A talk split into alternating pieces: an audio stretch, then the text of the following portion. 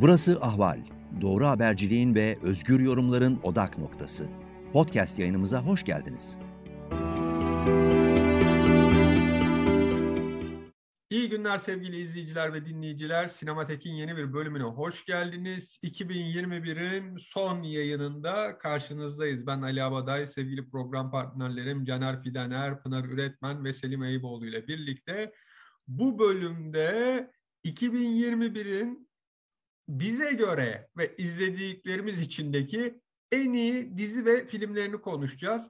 Ama dediğim gibi bize göre ve izlediklerimiz için de yani bu bu filmi niye konuşmadınız dediğinizde iki durum var. Bir, izlememiş olabiliriz. Çünkü e, yayını 2021'i daha bitirmeden çekiyoruz. Kimi filmler gösterime girmedi ya da e, biz iz, koronavirüs nedeniyle izleyemedik ve sonrasında da henüz DVD'si çıkmadı veya stream olmuyor diye. İkincisi de kişisel tercihler de burada ön planda. Yani bizim beğendiğimiz, izlerken hoşumuza giden film ve diziler. İlk olarak dizileri konuşacağız ve ben sözü Caner'e veriyorum. Caner bize 10 en iyi, sana göre en iyi 10 dizi listeni açıklar mısın öncelikle? Evet, teşekkürler. Tabii e, bir öznel dizi olduğunu sen de söyledin, ben de hatırlatayım. Sonuçta eğer bir dizi yapıyorsanız bir her seçiş bir vazgeçiştir. Bazılarından vazgeçmek zorundayız. Aslında bir yılda hani ben bu kadar dizi de izlemezdim de sağ olsun sizin program bu bizim program sayesinde biraz birbirimizi teşvik ettik. Ee, çok farklı renkleri e, gerçekten tanışmış olduk.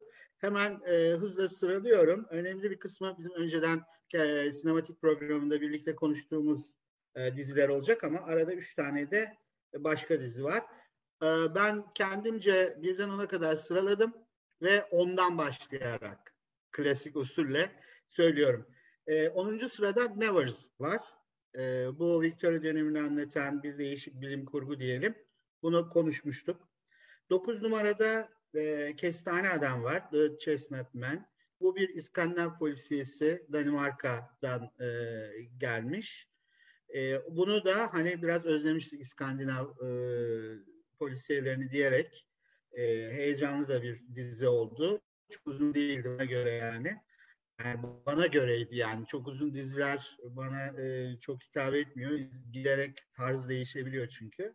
E, onun için listeye aldım. 8 numarada bir Britanya'dan The Cleaner diye e, 30'ar dakikadan 6 epizodluk değişik bir, bu da bir e, Greg Davies diye Britanya mizahına meraklı olanların bildiği bir isim. O oynuyor. Olay yeri temizleyicisi böyle intihar olmuş işte kanlı manlı ortamlar var. Ve her seferinde her e, bir başka kişiyle olan diyaloğunu görüyoruz. Böyle hoş, komik, kara komedi bu da.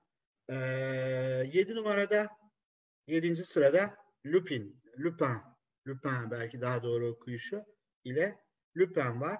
Omar Sy ya da Say mı nasıl okunuyorsa onun e, güzel oyununu hatırlıyoruz. 45'er e, dakikalık diziler vardı. 10 epizodluk. İkinci sezonda geliyor herhalde değil mi Lupin?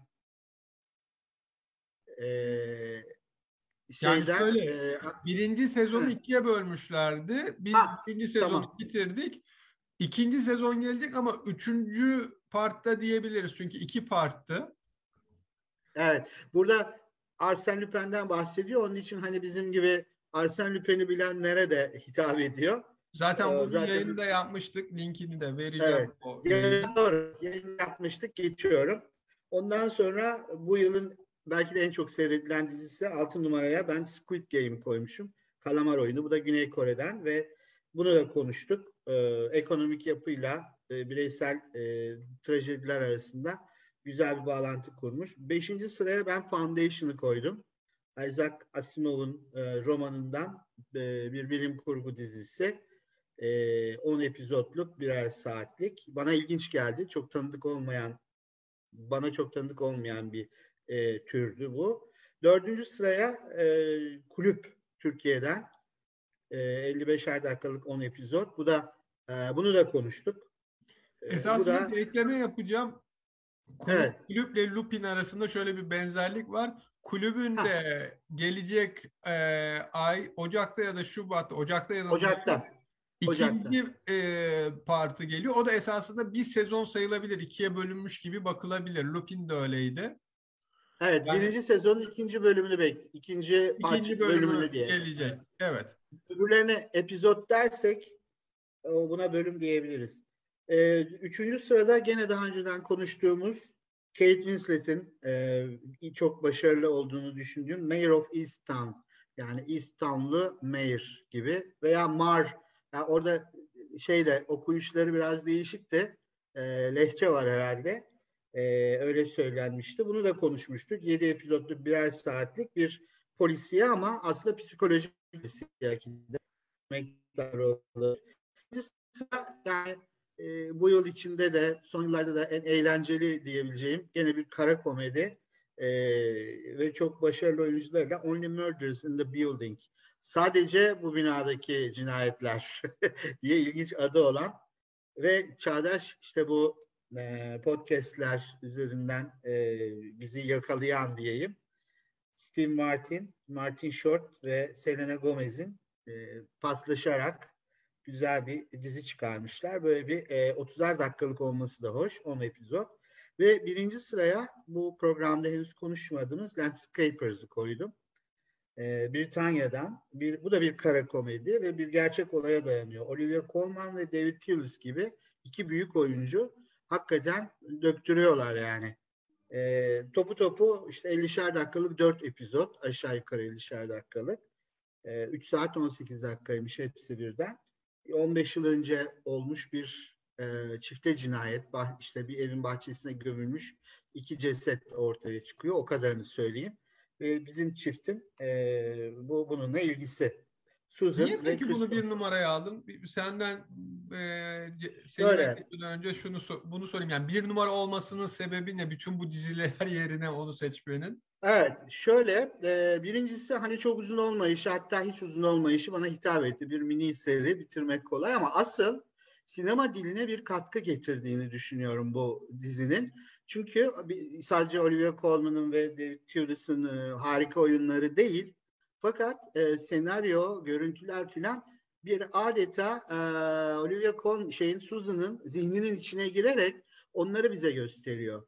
Böyle oyun içinde oyun diyeceğim ama daha fazla bir şey. O kadar da değil. Ee, ve şeyi Olivia Colman yani Susan'ın e, zihin dünyasını bize anlatıyor. Geçişler yapıyor ve böyle standart bir hikaye anlatma biçiminden çok farklı. Hatta ben bunu naçizane şeye benzettim. Edebiyattaki bilinç akışına.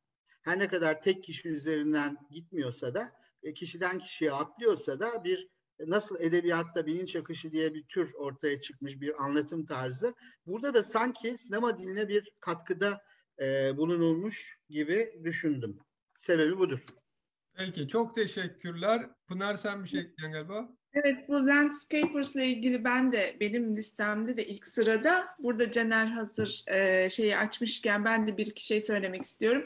Gerçekten oyunculuk çok iyi. Olivia Colman'ın zaten hani bu yıl uzun süredir çok iyi ama bu yıl e, inanılmaz fazla ve güzel işlere el attığını görüyoruz. E, senaryo yazan Ed Sinclair, e, Olivia Colman'ın eşi, kocası. E, gerçek bir hikayeden uyarlanmış ama gerçek hikayenin ötesinde birazcık fantastik de bir e, dünya yaratmışlar ve çok fazla film göndermeleri var. Zaten sinema seyretmeye e, çok meraklı, çok aşık bir çifti anlatıyor. İşte orada e, Olivia Colman'ın yani Susan'ın e, bütün o şey zihnin dünyası onun içine girdiğinizde kendisini Haynon filminin içindeki bir karakter gibi görüyor ve bir yandan da geriye gidişlerle işte o e, kendi zihninin içindeki parçalaş, parçalanışlarla evet birazcık e, onun geçen yıl oynadığı e, Father filminde de bir e, bilinç akışı yöntemi vardı. O birazcık evet. tabii şeyli bir e, hani defekli bir unutan bir beynin bilinç akışıydı ama burada Caner'in söylediği gibi gene burada da içinden geçerek göstermişler. Görüntü yönetmenliğinin çok iyi olduğunu düşünüyorum ve çok sürprizli. Ee, değişik şeyler var.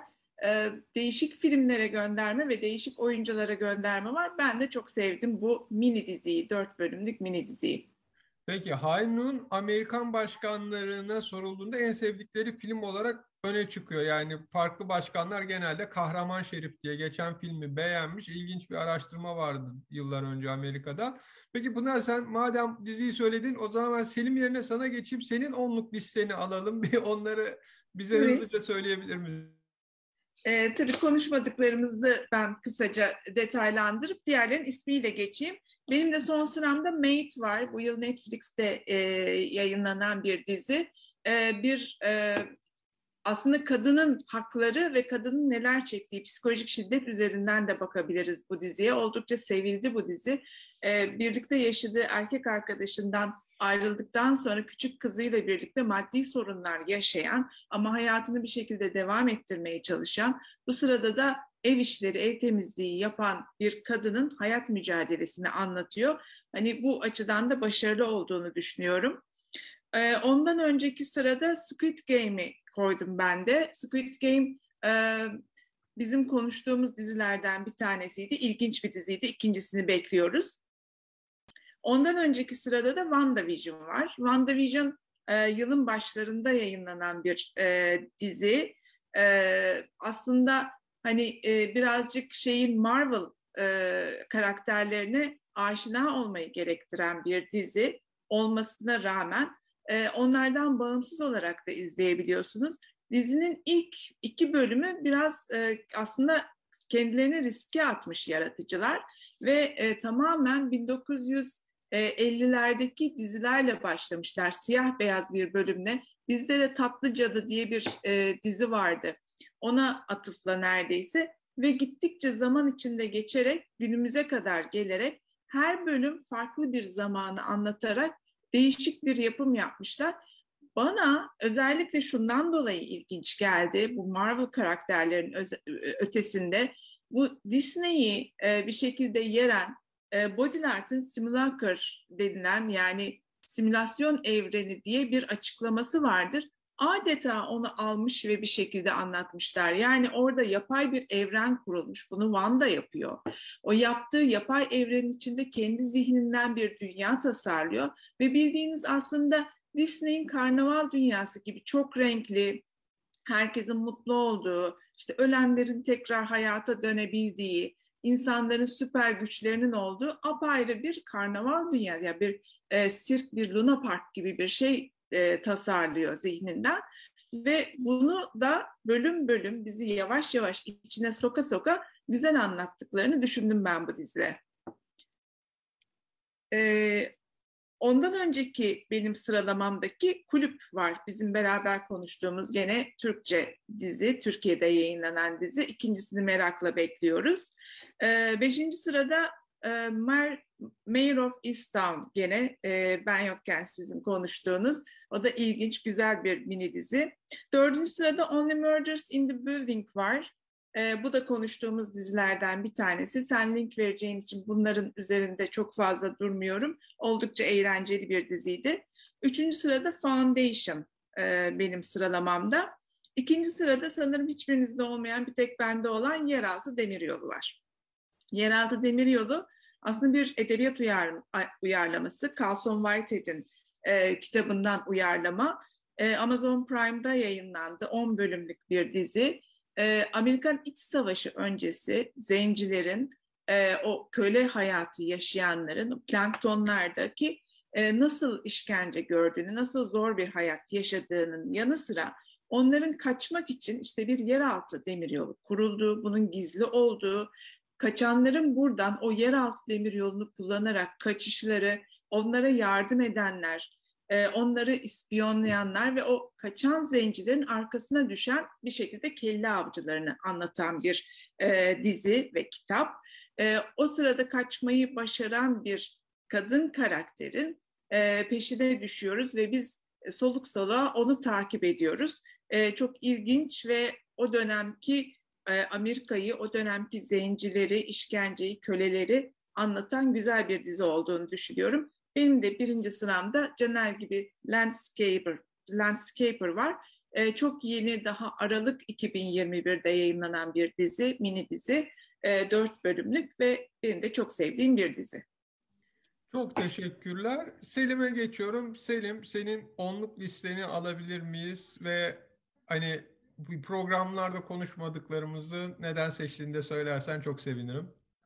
Tamam. Ee, ben öncelikle şunu söyleyeyim. Ben sıralama yapmadım. Yani 10 film ve dizi seçtim. Fakat sıralama yapmak bana çok ters geliyor. Çünkü yani filmler de diziler de çok farklı sebeplerden hitap ediyor bana. Yani birini onun önüne getirmek, bu daha iyi demek sanki böyle bir maraton düşünmek de birinci, ikinci, üçüncü gelen insanlar hani koşuda falan gibi bir şeyi.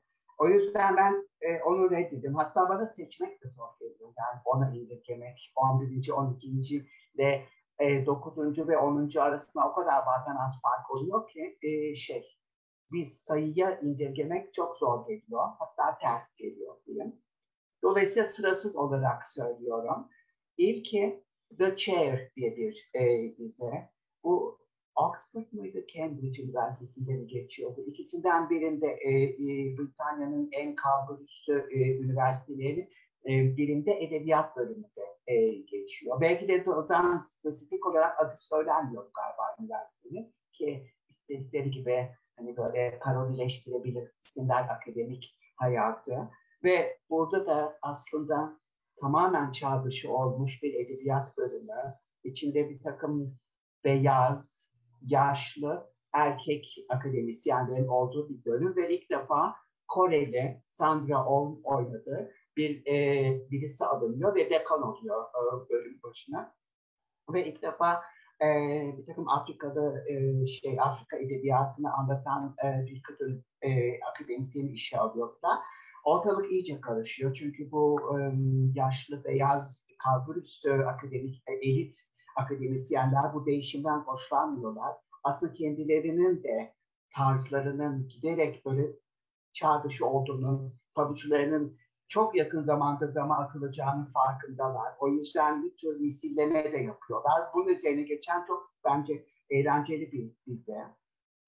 You bunun üçüncü sezonu bu yıl başladı. Ben kitabını okumuştum ve kitabı hakikaten çok daha başarılı, zehir gibi yani. Sarkazm, e, bir takım popüler kültürden, gündelik hayattan referanslar e, falan. Dizi biraz daha onu şey yapmış, böyle yumuşatmış. Ama dizi de yine çok başarılı ve dizideki e, ana karakter e, o da aslında New York'un daha sonra Kaliforniya'nın filan değişik yerlerde Amerikan elitleri arasında gezinen sinemacı olsun, e, yazarlar, çizerler olsun bunların arasında e, gezen hazır cevap ve kendini bir şekilde onların arasında gören ve kolayca onlara karışabilen birisi ve bu süreç içinde de e, sürekli bir takım insanlarla karşılaşıyor, bir kız arkadaşı oluyor filan. Şöyle bir ilginç bir yanı var dizinin. E, bu dizi de tam hani benim çok başka zamanlarda da hani referans verdiği bir gri bir ahlaki şey e, ortamda geçiyor. Her şeyin belirsizleştiği, neyin doğru, neyin yanlış, neyin daha böyle adil olduğu veya olmadığı üzerine. Ve bu karakterin gözünden bakıldığında bazı insanlar hakikaten hayatımızı çok farklı sebeplerden zehir edebiliyorlar ve onlar olmasa da hayatta belki hayat daha iyi olacak. Yani onlar kolayca elimine edilebilir. Dolayısıyla karakterimiz aslında psikopat bir karakter bir yandan.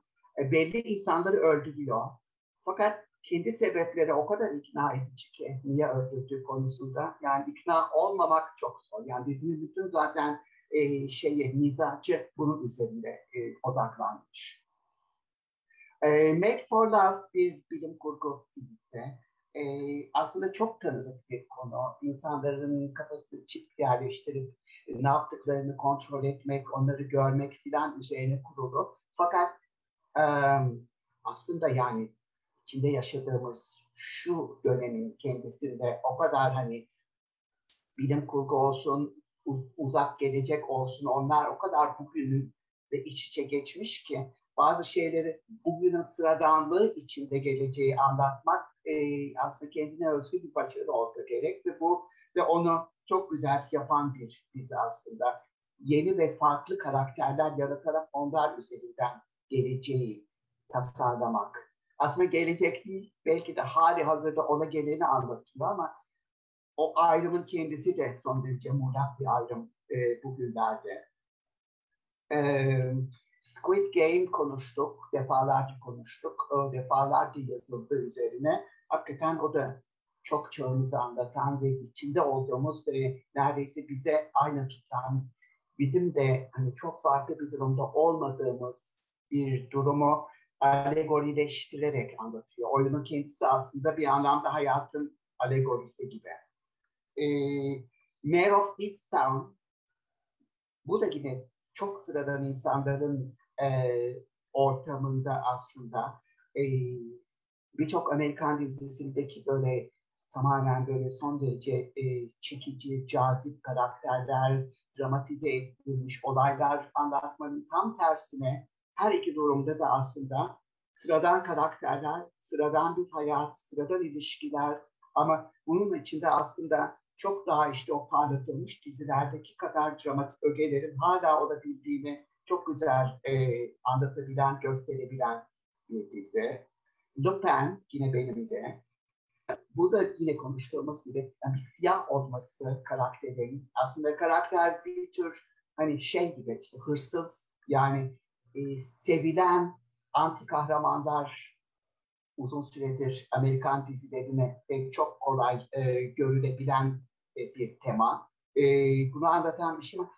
Bir hırsızın siyah ve dev neredeyse cüsseli birisi olması onu ironik bir şekilde bir o kadar görünmez kılıyor.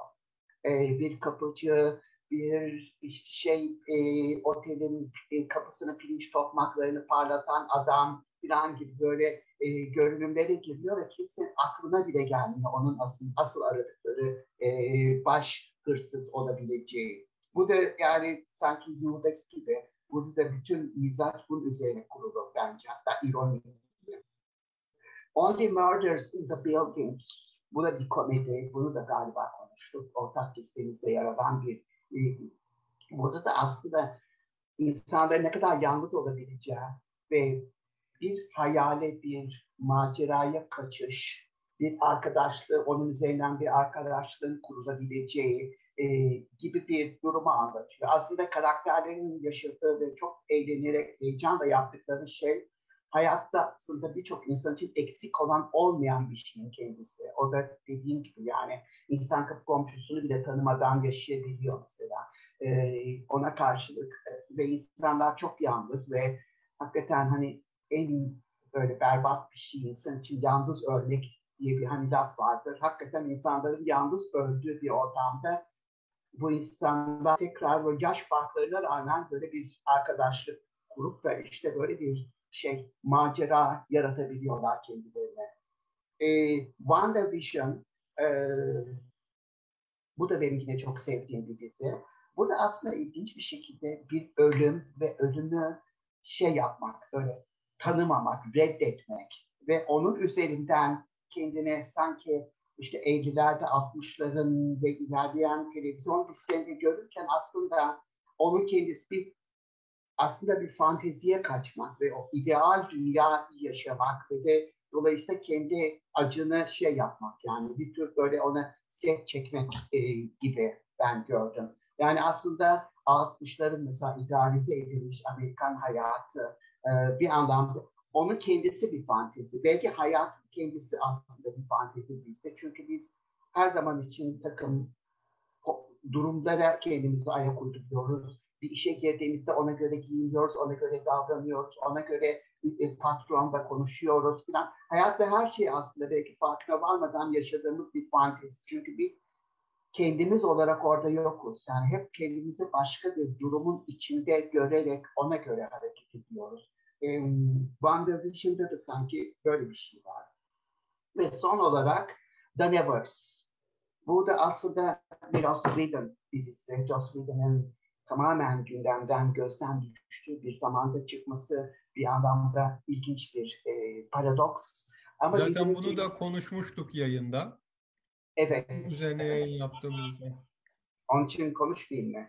Ha yok yok hani şey olarak anlatayım hani bizim ana konu buydu hani Nevers'ında Josh Whedon'ın düşmesi hatta sonrasında da şey yapmıştık Justice League üzerine de hani konuşmuştuk onu sadece aklıma geldi diye. Evet aklımda şöyle bir şey de var yani bu yılı fazlasıyla e, bu Me Too temasının gerçekliği onun işte o hayal dünyası olan bizi hayal dünyasına götüren diziler ve aslında onun oyuncularının o, e, bu üretim sırasındaki gerçekliği, yaşanan olaylar e, sanki e, son yılda fazlasıyla damgasını vurdu. Mesela çok yeni olaylardan biri ve en ironikleri Sex in the City dizisinin oyuncusu Mr. Big karakteri Chris Noth son zamanlarda e, şey böyle taciz yüzünden e, şey afişe edildi.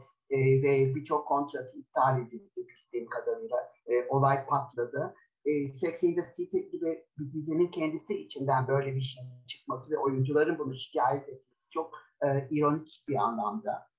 E, The Nevers da aslında Nevers pardon şey bir laf İngilizce'de böyle sözcükte karşınıza çıkmayacak bir laf ama dizinin seyredince ne demek istendiğini anlatıyor. Çünkü tamamen böyle toplum dışı kabul edilmeyen never'lar gibi yani düşünmek lazım. Ee, bu da aslında ilginç bir şekilde e, Victoria dönemiyle e, steampunk, e, Sherlock Holmes gibi bir dedektiflik şeyini, durumunu bir araya getiren, iç içe geçiren bir e, dizi. Ben çok başarılı buldum.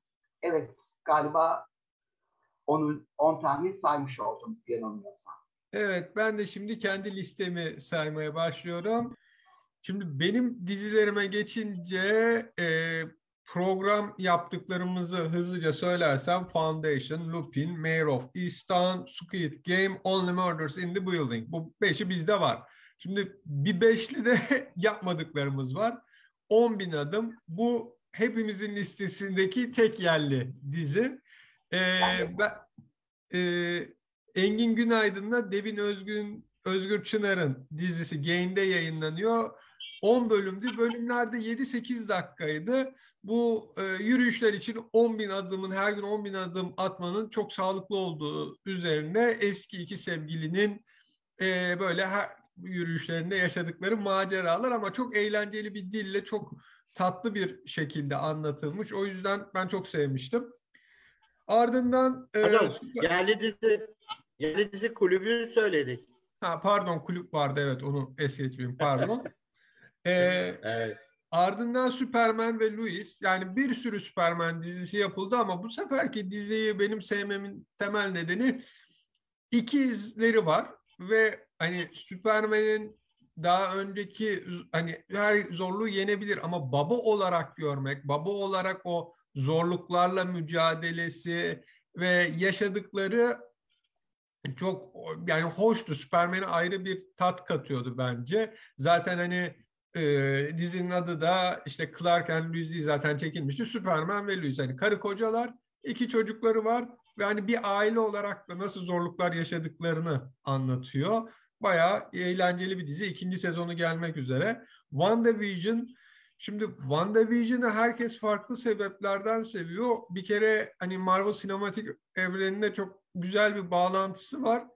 Bunun dışında çizgi romanlarda House of M diye bir çok özel kült bir çizgi roman vardır. Yine Wanda'nın bir kayıp, bu sefer bebeğini kaybı üzerine bütün o Marvel evrenini yeniden şekillendirmesi. Burada sadece bir kasabada hani kasabayı böyle himayesi altına alıyor, herkesi farklı şekle sokuyor. Orada bütün dünyayı onun farklı bir versiyonuydu. Dick Wine Show'la başlıyor 1950'ler Pınar'ın dediği gibi günümüze kadar gelen böyle o dönem Amerika'nın en popüler olmuş dizilerine yani her bölümde bir başka diziye atıfla devam ediyor siyah beyazdan renkliye. Arka planı da iyi. Marvel'ın sinematik evreniyle de bağlantısı açısından ilk dizi olması yani Marvel'ın sinematik evrenini dizilerle birleştirdiği ilk örneği olması nedeniyle de güzeldi. Oyunculuklar da çok iyiydi. Konu da ve çizgi roman bağlantısı beni çekti.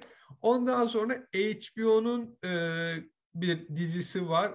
Scans from a Marriage bu Bergman'ın 1973 filminin dizi versiyonu, günümüze uyarlanmış e, versiyonu Oscar Isaac, Jessica Chastain e, başrollerde. Bu sefer rolleri terse çevirmişler. Daha günümüzde New York'ta geçen işte bir akademisyen erkek ve işte iş dünyasından eşinin birlikte yaşadıkları olaylar üzerine. Hani filmi beğendim ama dizi hani çok güzel bir günümüze uyarlama olmuş. O yüzden tavsiye ederim. Son olarak da Perry Mason. Perry Mason da Amerika'da çok bilinen, çok o, romanları, dizileri hatta filmleri meşhur bir e, kişi. Normalde kendisi bir avukat ve çeşitli maceralar var romanlarında. O işte avukat olarak yaşadığı maceralar var. Bu HBO'daki çekilen dizinin ilk sezonunda şöyle bir şey görüyoruz. Perry Mason e, bir avukatlık firmasına bağlı özel dedektif tam Amerika'daki bu ekonomik kriz zamanında işte bir e, bebeğin öldürülmesi, bebeğin cinayetiyle ilgili işte öldürdüğü iddia edilen kişiyi savunuyor avukatlık firması ve onun bu dava ile ilgili yaşadıkları e, yani polisiye dizi, dönem dizisi olarak çok hoşuma gitmişti.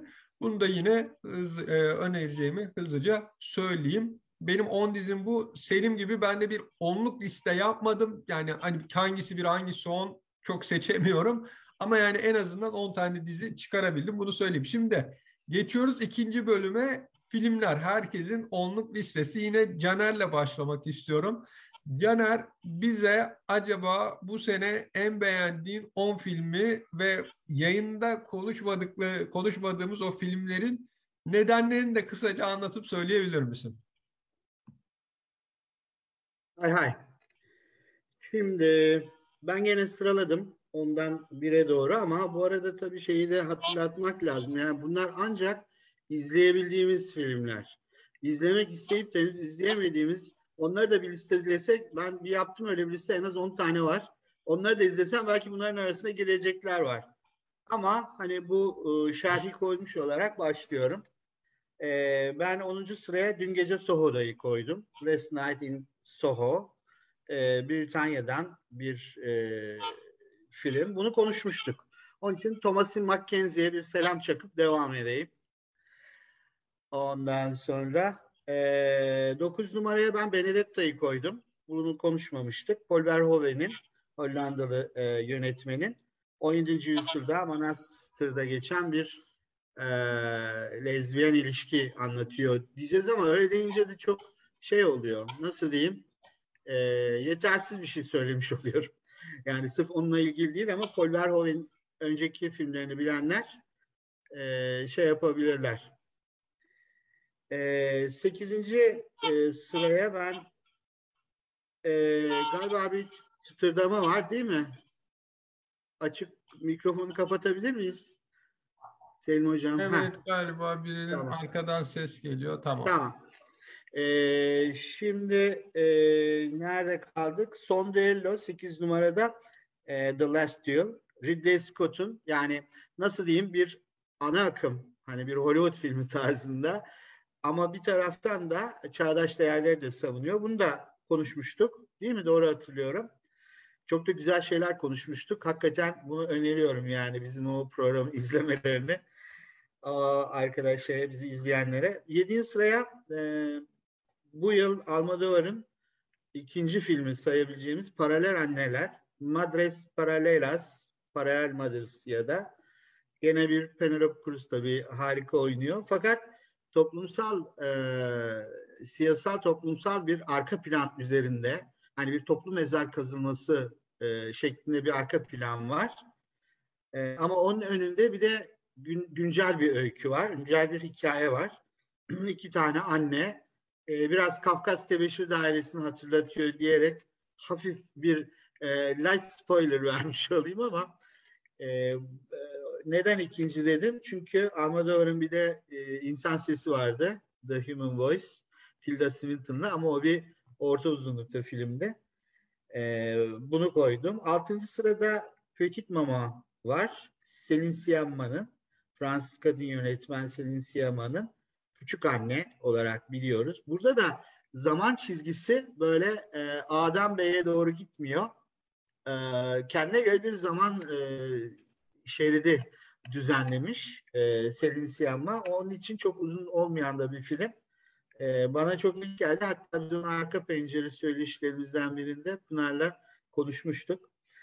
E, beşinci sırada Anet var ki Anet'te e, konuştuğumuz filmlerden sinematikte bu grupla birlikte e, müzikalde bir yeni aşama gibi düşündüm ben Anet'i. Oyuncular da tabii ki Marion Cotillard ve Adam Driver. Ondan sonra yani Leos, Leos Carax sonunda bana bir filmini beğendirebildi diye biraz da şey yapayım kendimi ortaya atayım. Ondan sonra e, dördüncü sırada ben Tanrı'nın elini koydum. Tanrı'nın eli kim? Maradona. Ama biz de burada Maradona'yı değil, e, yönetmenin Sorrentino'nun çocukluğuna Napoli'ye gidiyoruz. E, orada e, The Hand of God İngilizce adı, Estate la mano di Dio e, özgün adı, bir İtalyan filmi. E, adeta Sorrentino'nun Amarkordu diyebiliriz diye bende bir izlenim oluştu. O, bu da üzerinde konuşulmaya değer bir e, film ve izlenmesi gerekli diye düşünüyorum. Bu yılın geride kalan filmlerinden olacak diye düşünüyorum. Üçüncü sıraya The French Dispatch e, geldi benim listede. E, bu da Wes Anderson'un onunla ilgili bir cümle söyleyeyim. Bu Büyük Budapeşte Oteli'nde kendine göre bir hikaye anlatma düzeni, bir sinema dili e, ortaya koymuştu Wes Anderson. Hep koyuyor tabii de. Şeyde sanki Büyük e, Budapeşte Oteli'nde ben daha böyle e, özel bir dil gibi gelmişti ona. Şimdi burada onu daha da ileri götürüyor ve e, hani düzgün başı sonu belli bir film seyretmek isteyen seyirciyi biraz diyeyim ya da ona çok, çok hitap etmeyebilir. E, bütün o e, parlak oyuncu listesine rağmen çünkü oyuncular da kendilerini yani oyunculuklarını göster gösteremiyorlar ya da göstermiyorlar gibi geldi bana bu filmde. İkinci sırada e, Köpeğin Pençesi The Power of the Dog var. Jane Campion 11 yıl sonra bize e, hakikaten çok hoş bir ürün girdi. Biz bunu da konuşmuştuk. Yanına işaret koymuştum yoksa hatırlayamayacağım. Ondan sonra onun için onu da geçiyorum. Çok sürprizli ve hoş film. Yani bunu görmeyen kalmasın. Ve bir numaraya gene yılın e, işte bu programdan önceki son günlerde elinize geçen izleyebildiğimiz Kenneth Branagh'ın Belfast'ı var benim için bu birinci sırada. Jude Hill'i tanıyoruz. Küçük bir oyuncu. E, takvim yaşı 10 ama 8-9 yaşında bir çocuğu oynuyor. Ondan sonra ve e, Kuzey İrlanda olayları e, şeyde e, Britanya'da The Troubles büyük T ile ikisinde yazınca e, Kuzey İrlanda olayları anlaşılıyor. 69 yılında bu olayların başlangıcına gidiyoruz ve gene çocuğun gözünden e, sinema dili olarak da Kenneth Branagh artık kendini de aşmış diyeceğim bu Shakespeare e, filmleriyle ve oyunlarıyla de kendini tanıtmış olan Kenneth Branagh. Bu Belfast'ı da biz e, Pınar'la gene arka pencereden sanat kültür e, söyleşilerimizin birine konu etmiştik. E, onu da hatırlatmış olalım. Merak edenler oraya da bakabilir. Diyerek ben listemi bitiriyorum. Çok teşekkürler. Ben Pınar'a geçeyim o zaman. Pınar'ın listesini alayım. Çünkü sanırım onun da bir numarası aynı olacak. evet. Caner'le bugün çok benziyoruz. Ee, gene ben hani tam sıralama demeyeyim. İlk üçü evet belli ama ondan sonrakiler birazcık daha rastgele. Ee, yani ilk on içindeler ama e, sıralama değişebilir tabii benim için de. E, gene konuştuğumuz filmlerden Green Knight, Yeşil Şövalye benim listemde e, var. Bunu konuşmuştuk, onun için çok değinmeyeceğim. Dune, e, Dune evreni benim için özel olduğu ve kitapları da özel olduğu için her ne kadar e, film birazcık işte ilk e, başlangıç filmi olsa ve devamını görmeyi gerektirse de gene benim listeme giren filmlerden bir tanesi. Dün gece Soho'da gene bizim konuştuğumuz Caner'in de söylediği gibi ama çok da güzel olan, çok güzel anlatımı olan bir e, film. Anet e, müzikal olarak da çok güzel anlattığı konuya bakışı ve kadına bakışı olarak da evet yani hani bir şekilde Leo Carax'ın hani benim de sevdiğim filmlerden bir tanesi. Farklı olarak e, benim için e, I'm Your Man filmi var. E, Maria Schreider'in filmi. Bir Alman filmi bu. E, biraz bilim kurgusal bir film. E, bu hani yapay zekayı da içine katan. E, Berlin Film Festivali'nde ilk gösterimini yapmıştı. Bu yılda Almanya'nın e, Oscar'daki en iyi yabancı dilde filmlerindeki aday adayı olduğu açıklandı. E, burada da Maria Schreider'in yönetmenliğinde çok güzel bir film izliyoruz. Maria Schreider'in zaten hem e, bu Şafak Sökmeden diye e, şeyin e, Zweig'ın hayatını anlattığı filmi hem de Unorthodox dizisiyi de çok seviyorduk. Burada da güzel bir iş çıkardığını düşünüyorum. Onun dışında e, gene Paralel Anneler, Almodovar'ın bizim konuşmadığımız filmi. Evet Paralel Anneler çok yakında seyrettim ben de. Almodovar anlatılarına çok benzeyen, çok dramatik ama böyle yavaş yavaş sizi içine alan, birazcık e, sinir krizinin eşiğindeki kadınları da dönüşü de hatırlatan ama kişisel psikolojik katmanın yanına çok güzel bir sosyolojik e, katman eklemiş ve siyasi bir bakış sağlamış. O kaybolan insanların kemikleri üzerinden ve bir siyasi e, arayış üzerinden gitmiş. Çok çarpıcı bir finali var. E, bu arada tabii hani paralel anneler her ne kadar Caner spoiler vermeyeceğim dese de bir iki şey söylemek istiyorum bununla ilgili. Şimdi e, aynı anda doğum yapan iki kadın e, ve bir şekilde o çocuklar birbirine karışıyor e, ve çok büyük bir ikilemin peşinde bırakıyor bize Almodovar diyor ki işte sizin çocuğunuz karışsaydı siz haber verir miydiniz gibi bir yere getiriyor bırakıyor. Hani öyle bir yerde kalıyor ki insan evet bunu ben söylemezdim tam derken siyasi doğruluk ne, insanların tarihleri gizlenebilir mi diye çok güzel bir açılım yapmış. O açıdan ben çok sevdim filmi. Son Düello, evet ee, gene bizim Şeyde Pınar Galeano'yu da söyleyelim. Sonunda Galeano ile bitiriyor. Eduardo Galeano'yu çok seven vardır e, izleyicilerimiz evet. arasında. Onun sözüyle bitiriyor. Sözüyle bitiriyor. Hani e, bu tabii Güney Amerika'da da kayıplar çok fazladır. İşte siyasi kayıplar, e, cesetlerin nerede olmadı olduğunu belli olmadı, toplu mezar falan. O açıdan bir görmesi e, Son Duello gene benim listemdeki filmlerden bir tanesi. Çok severek e, izlediğim ve çok yakında da bizim programda konuştuğumuz film. Onun dışında Petit Mama, e, Selin Şiyanma'nın Küçük Anne. Benim de listeme giren bizim konuşmadığımız filmlerden bir tanesi. E, Selin Şiyanma alev almış bir genç kızın portresiyle e, tanımıştık. Çok sevmiştik. Burada da farklı bir bakışı var e, evet Caner'in söylediği gibi farklı bir zaman algısı yaratmış. Bir yandan da büyülü gerçekçilik olan bir evren yaratmış. Evet. Hani iki farklı zamanda iki farklı dünyayı yaşıyorsunuz. O iki dünya e, küçük kızın zihninde mi yoksa gerçekten var mı? Gerçeklik ne gibi konulara da giriyorsunuz. E, bir şekilde anneyle barışma, kişisel veda, yaz gibi konulara da girmiş ve çok güzel işlemiş. Orada oynayan iki e, ikiz kız vardı. Muhteşem oyunculukları vardı. Onları da anmadan geçmek istemiyorum. E, ilk iki sırada benim bir tanesi Köpeğin Pençesi, bizim konuştuğumuz Power of Dog. E, yani Jane Campion'ı ben zaten çok seviyorum. Özellikle e, yani o filmleriyle, piyano filmiyle benim çok sevdiğim bir yönetmendi. Burada da çok güzel, çok başarılı bir film yapmış.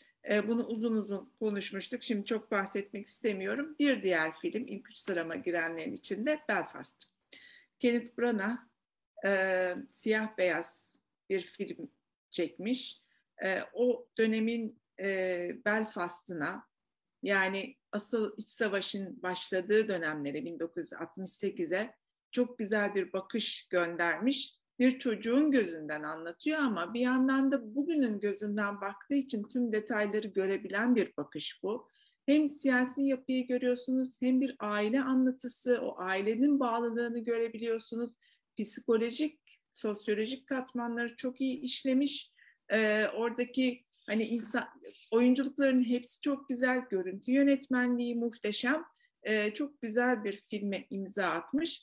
Ee, bu hani son ayda benim için hediye olan filmlerden bir tanesiydi. o Katoliklerin ve Protestanların şeyleri, mücadeleleri e, hem dostluk ama bir yanda da işte düşmanlık iç içe geçmiş nasıl olabiliyor? Güzel bir anlatı olmuş. E, benim o sıram bunlar.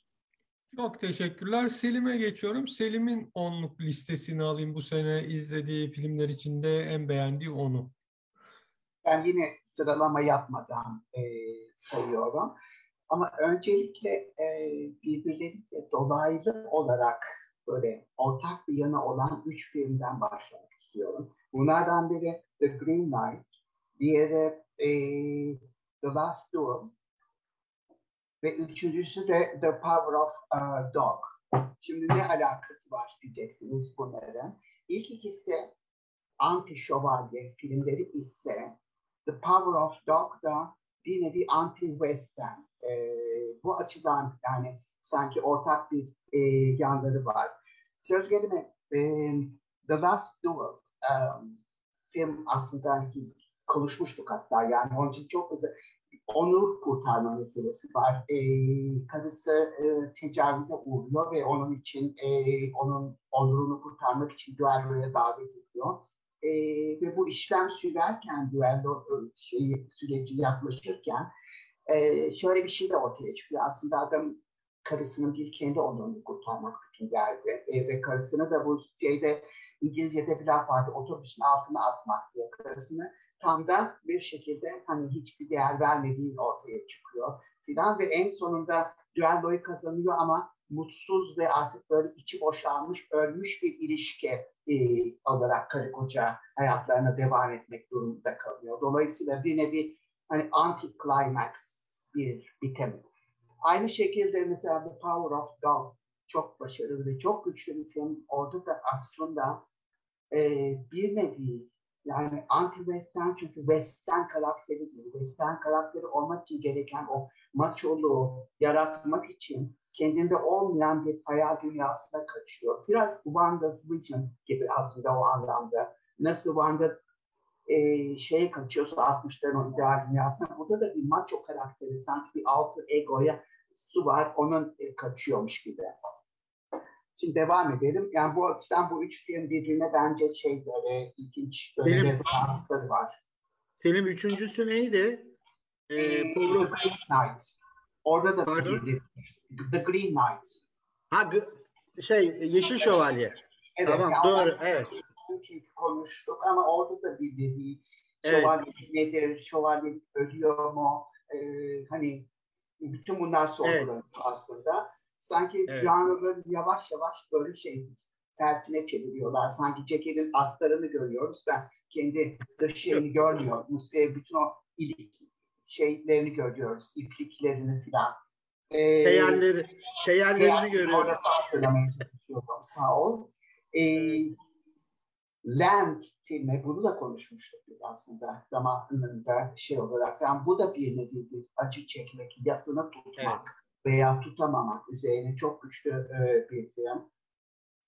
Titan e, benim en sevdiğim e, filmlerden bir tanesi. Zor bir film, sevdim demek zor aslında ama çok güçlü ve yani kendinizi ondan bir taraftan koparamıyorsunuz. Yani onun bir parçası oluyorsunuz ve o anlamda da hani size böyle derinden hitap ediyor. Böyle beklemediğiniz bir yerden sizi e, vuruyor. Ve o anlamda düşününce hakikaten çok derece güçlü bir film. E, ne kaldı geriye? E, galiba e, ha, Dune'dan bahsetmiyorum. Çok konuştuk. E, tartıştık. E, ona çok fazla etrafta yazıldı. Yani e, ama hani e, ben de hani, romanını çok daha şey başarılı e, buluyorum. E, bir de son olarak galiba Bergman Island. E, ha pardon, e, atladığım bir şey var. O Pınar sende de vardı. I'm Your Man.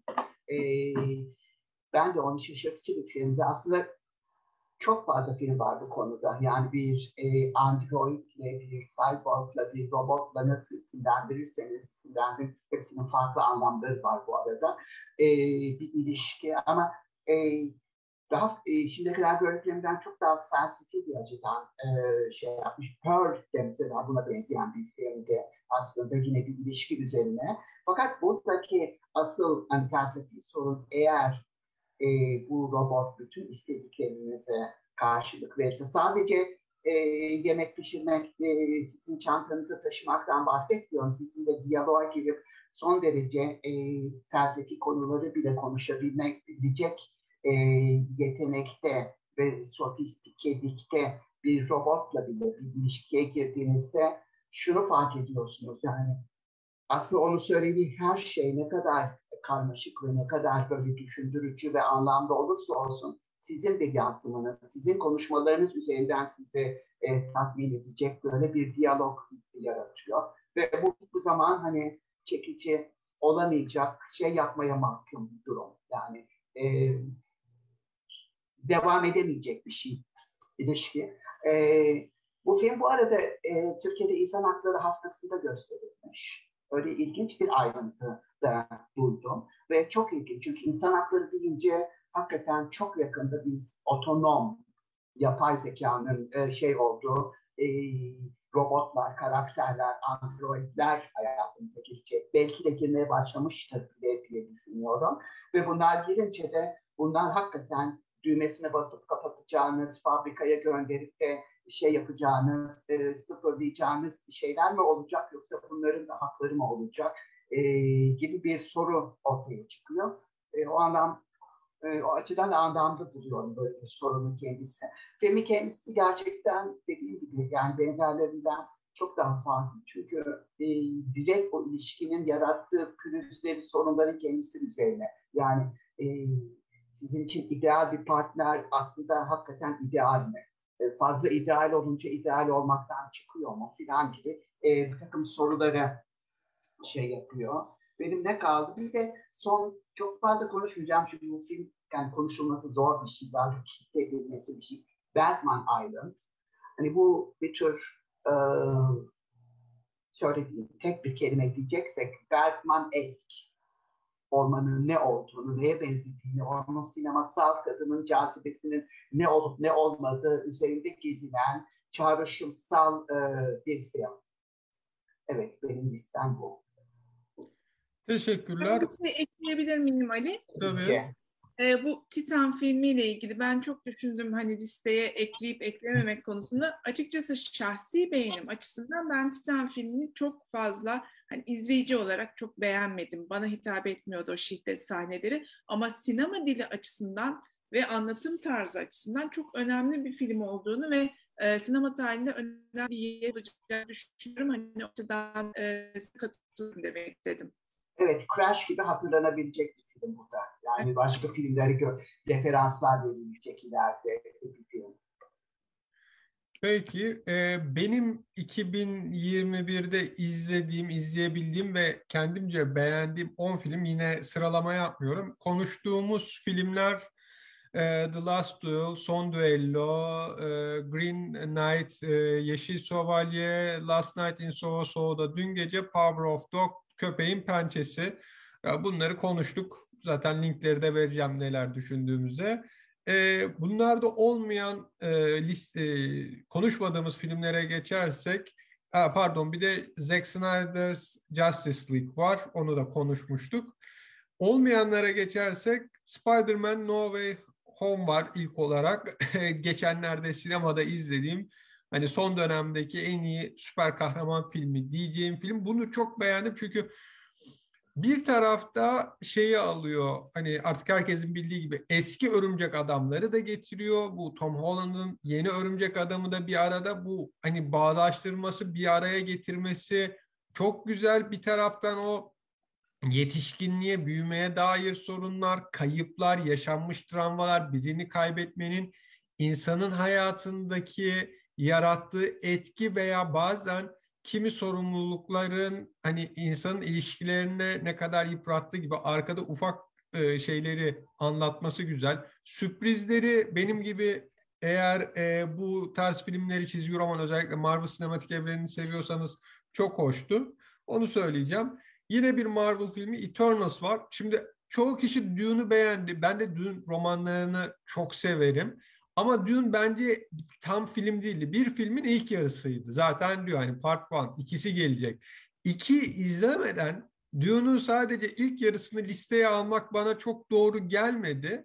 O yüzden onun yerine Eternals'ı alayım dedim. Yani Eternals'la karşılaştırınca Eternals'ın senaryo konusundaki çoğu sorunu var ama öncelikle filmin bu şeyinin görece az olması, özel efektlerinin az olması, çok farklı yerlerde, doğal alanlarda çekilmiş olması beni çok çekti. Tam çok büyük bir grubu anlatıyor, çok zor bir konuyu ele almaya çalışıyor ama bugüne kadarki süper kahraman filmleri içinde yapılmamış bir şey denemesi nedeniyle benim hoşuma gitti. Yani Richard, e, Richard Donner'ın Süpermen'i gibi hani bir fark yaratabilir gibi düşünüyorum ileriye dönük. Ama şey açısından özellikle özel efektlerin azlığı açısından ve oyunculuk, yönetmen, görüntü yönetmenliği bu çok hoşuma giden bir filmdi. Sonra söyleyeceğim üç film ise e, film festivalinde internet üzerinden izlediğim filmler. E, bir tanesi Luzzu, Malta filmi. Maltalı fakir bir balıkçının e, sandalını satıp satmamak, işte ailesini geçindirip geçin, geçindirmek için yaptığı kimi yasa dışı işler. O bir sıradan bir balıkçının hikayesini anlatıyor. Ancak çok etkileyici, o filmin en önemli farklı e, bölümlerinden biri bence sandalı da bir karakter gibi yansıtabilme ustalığıydı. Yani bütün o durumların yanında sadece o balıkçının da değil diğer sandalları da bir karakter olarak görüyoruz. Yani hepsine bir gözü olması, onlarla aile geleneklerinin olması, bütün balıkçıların o sandallara dair bir hani hikayesinin olması çok vurucuydu. Ee, diğeri Meksika yapımı. Ali. Evet. E, ben de o filmi çok sevmiştim. Hatta İtalyan yeni gerçekçiliğin izleri var diye düşünmüştüm. Kesinlikle. Böyle teknelerin gözlü olması falan. E, yeni döneme uyum sağlama sağlamama çatışması bizim balıkçımızın. Evet. evet pardon. Kesin Yo, devam et. Sonra Arjantin filmi e, The Dog Who Wouldn't Be Quiet El Perro que no e, calla herhalde İspanyolca bilmiyorum. Kusura bakmasınlar yanlış telaffuz ettiysem. Siyah, siyah beyaz film. Siyah beyaz Anna Katz'ın yönettiği bir film. Bu filmi beğenmemin nedeni şimdi düşük bütçeli bir film ama böyle ilginç şeyler de anlatmak istiyor. Filmdeki geçişleri e, böyle bir çizgi halinde, çizimler halinde anlatması. Yani köpeğe araba çarpıyor mesela, bunu bir çizim halinde anlatması. Ha, Dünyaya bir meteor düşüyor, bunu çizim halinde anlatması. Bir de koronavirüsün yeni başladığı bir dönemde daha dünyada hani kapanmaların başlama yeni başlayacağı bir zamandaydı. Filmde bir meteor düşüyor ve insanlar 1 metre 20 santimin üstüne yükseldikleri anda bayılıyorlar. O meteorun etkisiyle yeni bir hayat kuruluyor. Herkes emekleyerek yaşıyor ya da özel bir maske takıyorsunuz pahalı. O zaman ayağa kalkabiliyorsunuz. İşte bebekler için o maskelerin yapımı falan çok ilginç.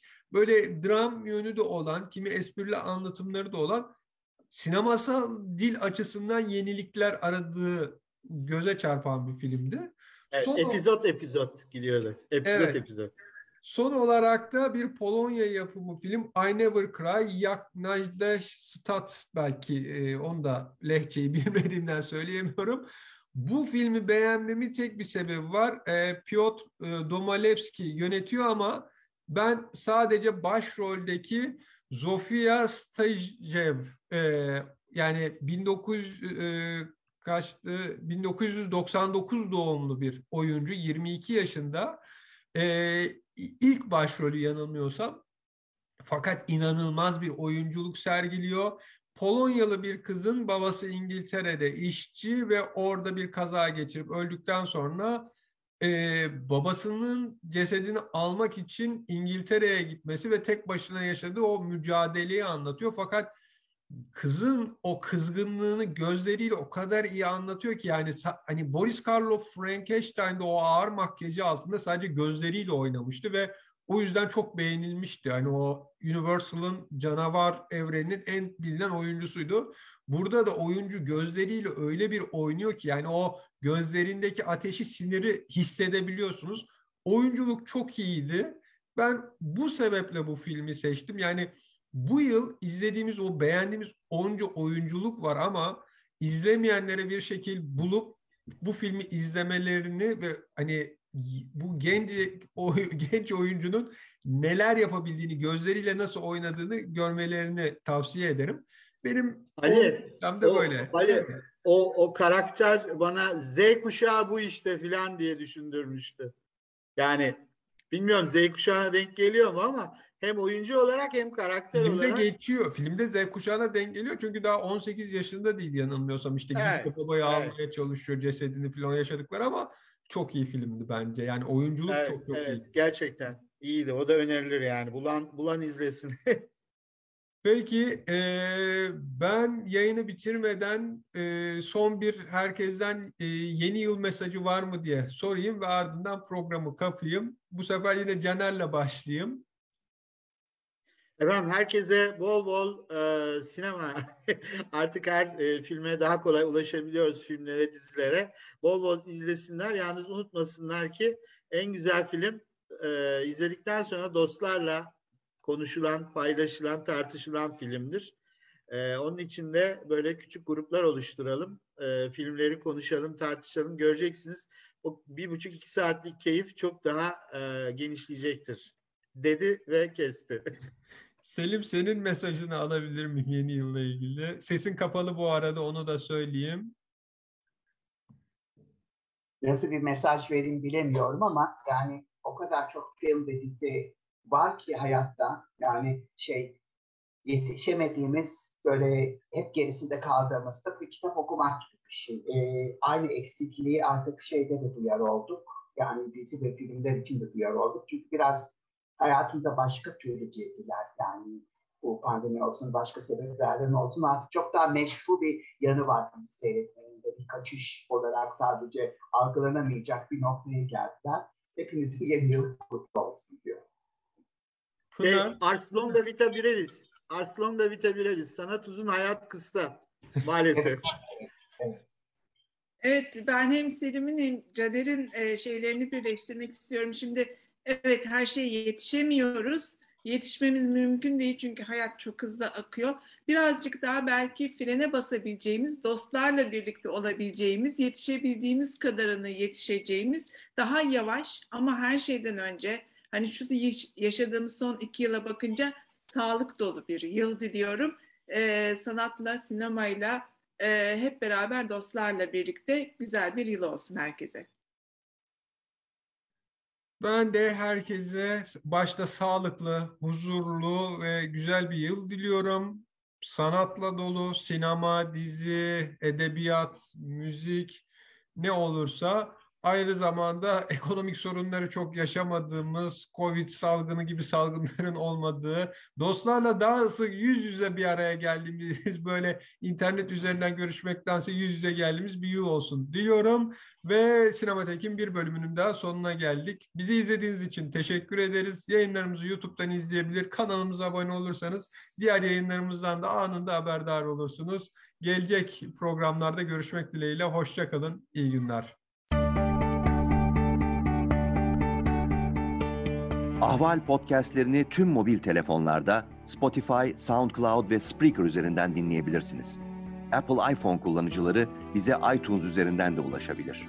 Türkiye'nin ve hayatın cıvıl cıvıl sesleri Ahval Podcast dizisinde. Kulağınız bizde olsun.